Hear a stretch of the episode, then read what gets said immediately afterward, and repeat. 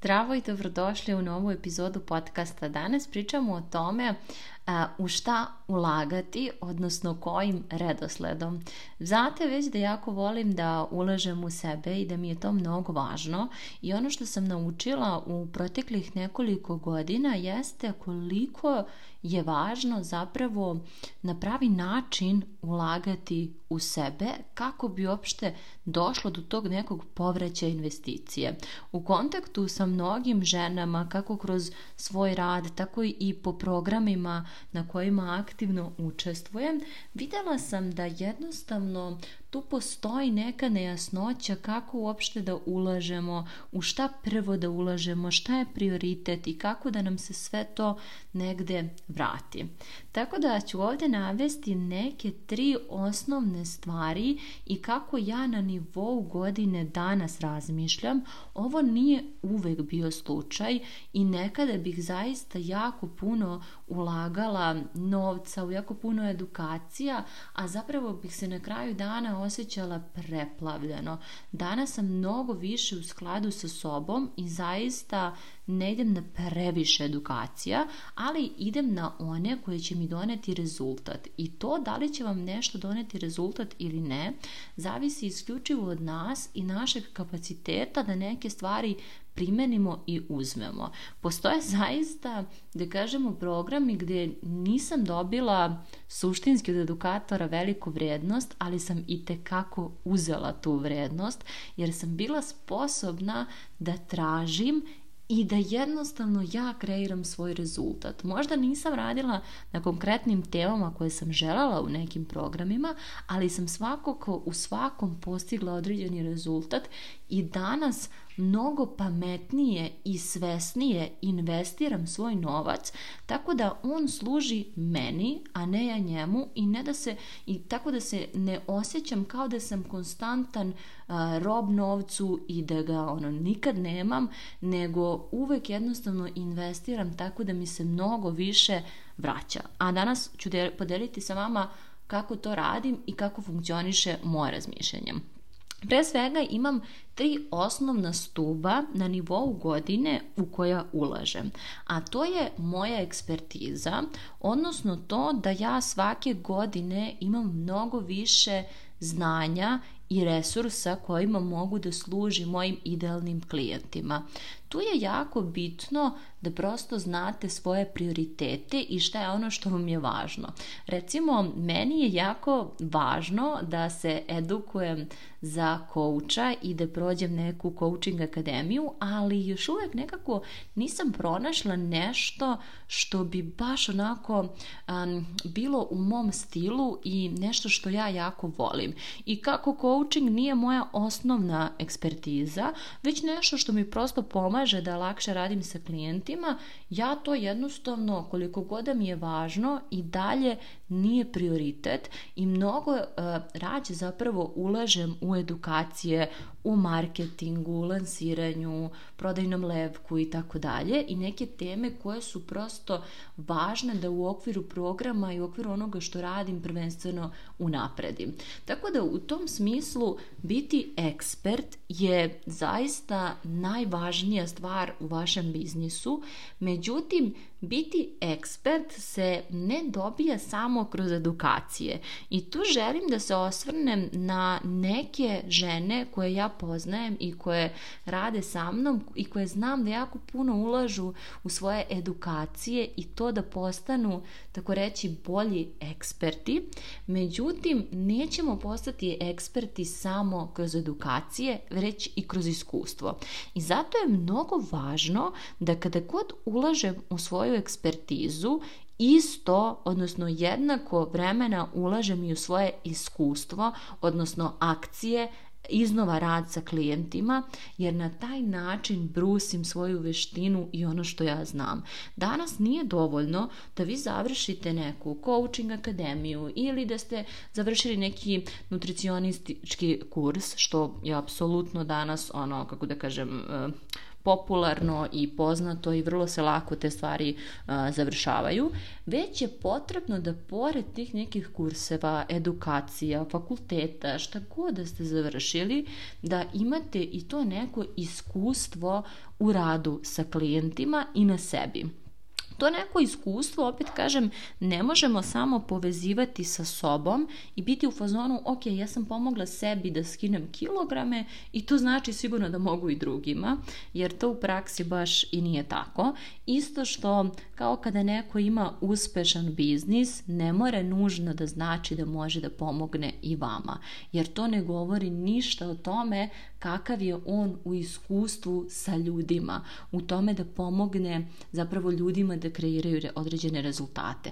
Tako da kada su u pitanju edukacije, prva stvar koju sam ja negde osvestila, čini mi se ove godine, jeste ta da to što neko ima puno para, određen lifestyle i dobar biznis koji pokazuje u, da kažemo, na društvenim mrežama, ne mora nužno da znači da je ta osoba sposobna da mi pomogne.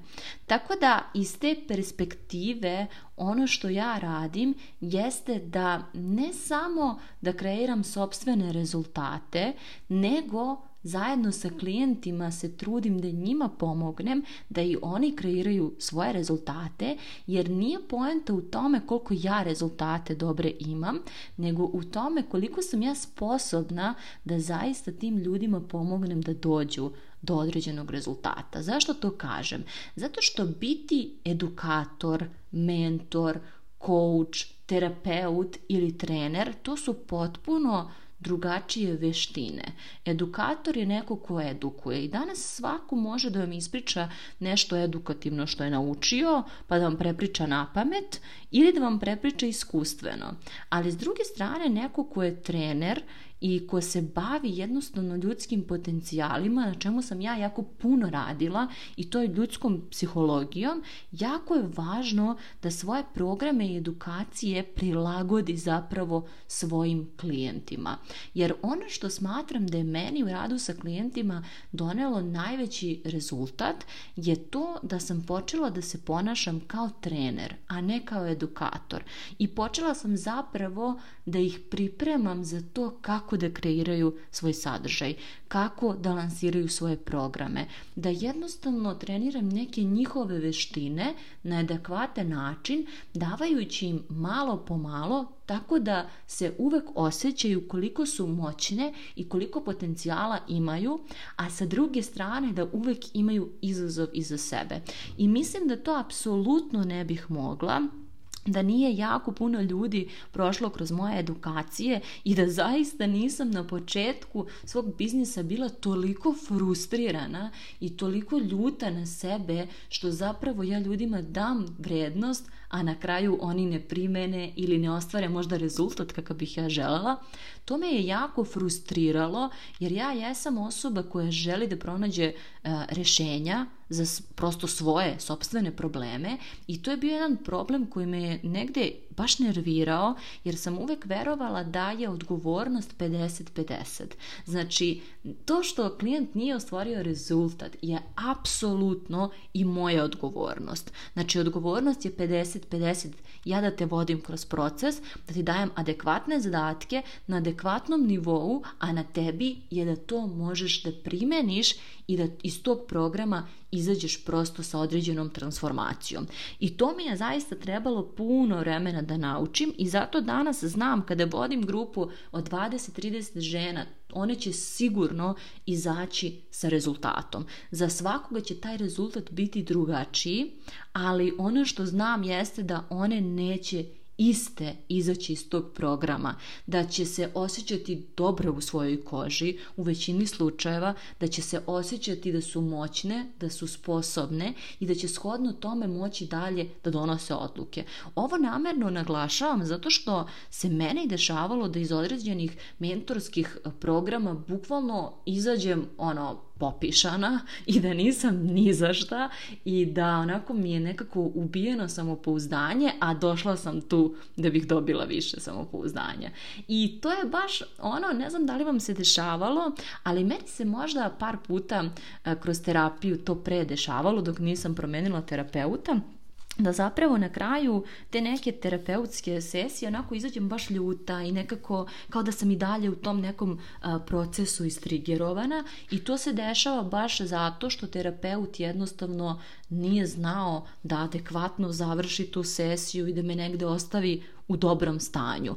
I baš zato ja danas kada radim sa klijentima mnogo razmišljam o tome kakvi će oni izaći iz tog programa. Da li će izaći frustrirani sa manjkom samopouzdanja i sa osjećajem da ništa ne znaju, jer vi kada krenete da učite o nekoj oblasti, pogotovo marketingu koji je onako jako kompleksna oblast i velika je oblast, ima jako puno stvari da se nauči i primeni, vi možete da se osjećate preplavljeno i kao da niste dovoljno dobri, što, mislim, ja znam puno primjera ljudi koji se baš tako osjećaju. Ono što sam ja uradila jeste da dajem sve od sebe, da žene zapravo iz mog programa izađuju i da se osjećaju dobro pre svega.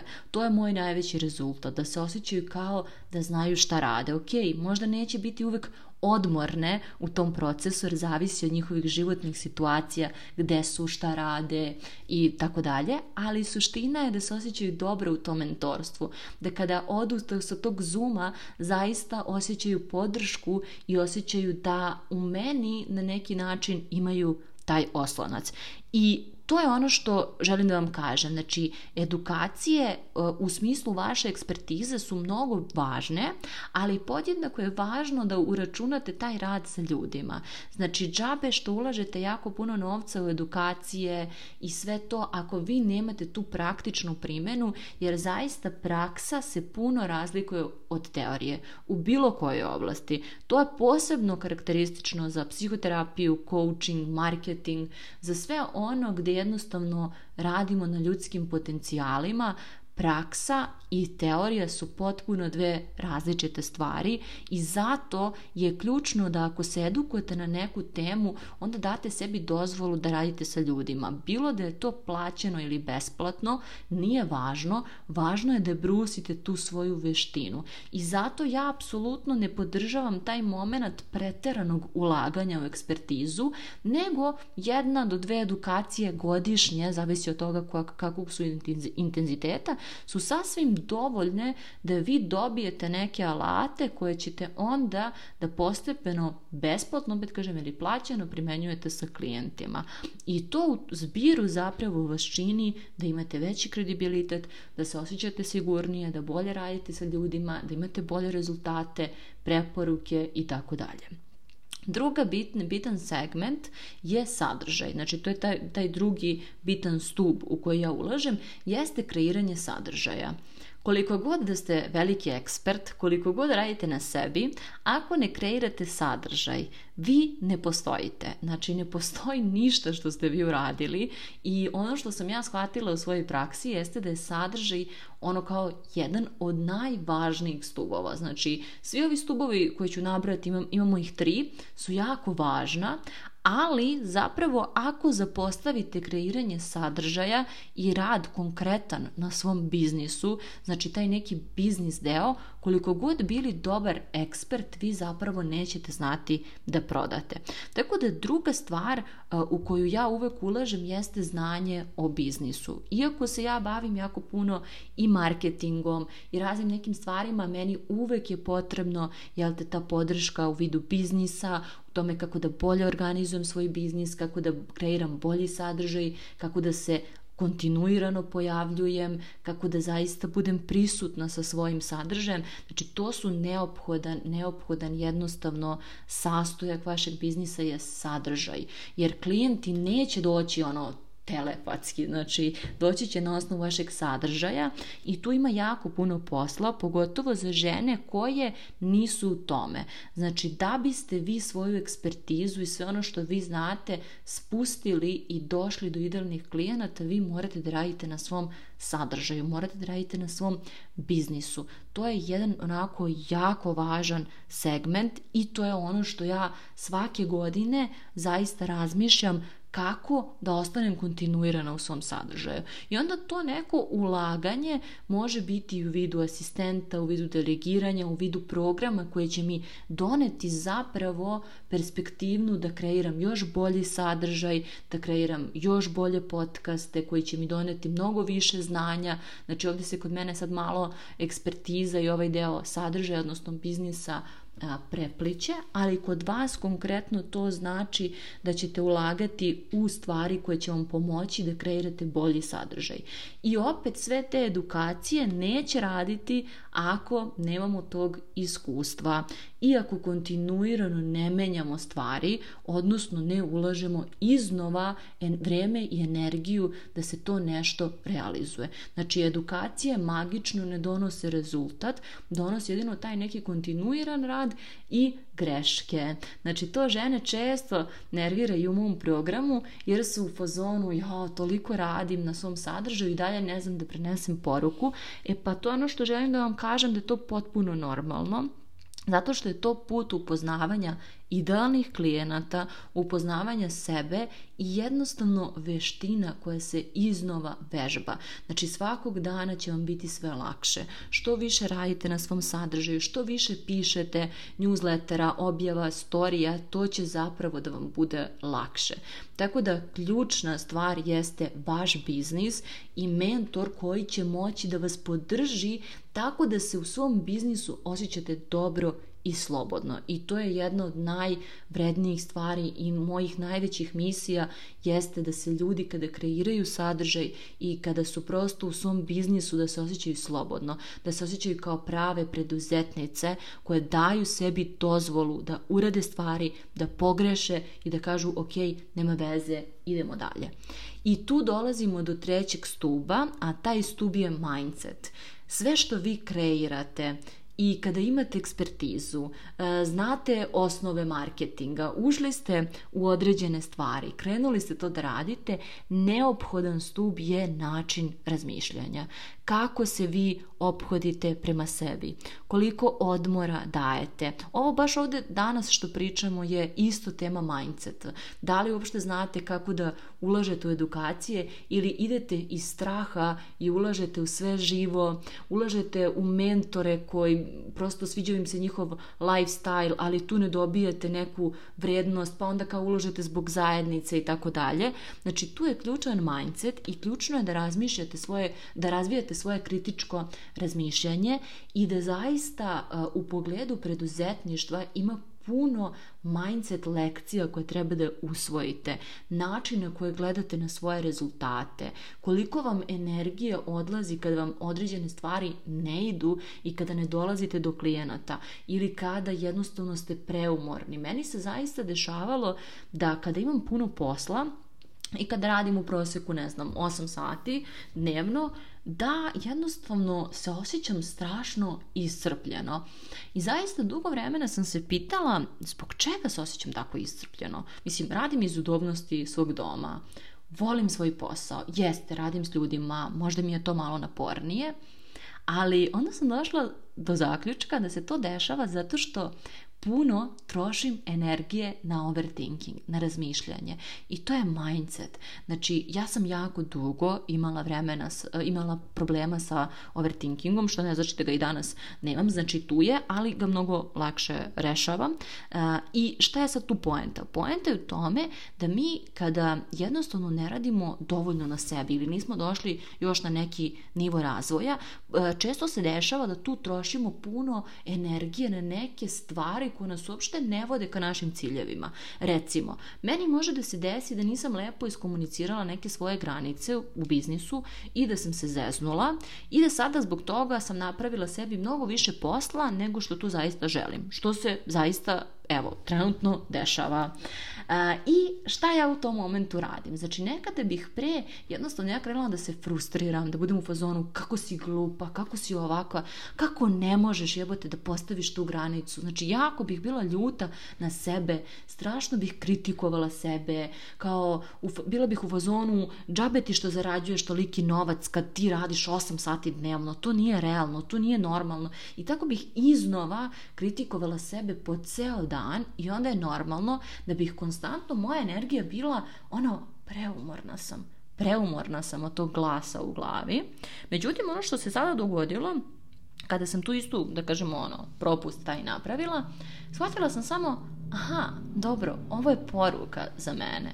Ne želim da se nerviram, želim da uživam u tome, želim da vidim kako da ujutru napunim baterije koje će mi pomoći da ceo ovaj dan zaista odredim sa lakoćom, da ja budem zadovoljna, da mi ovo što sam negdje i napravila propust možda bude neka moja inspiracija, da nekako bude neki moj rast, da zaista tako nešto ne ponavljam jer jednostavno nema potrebe.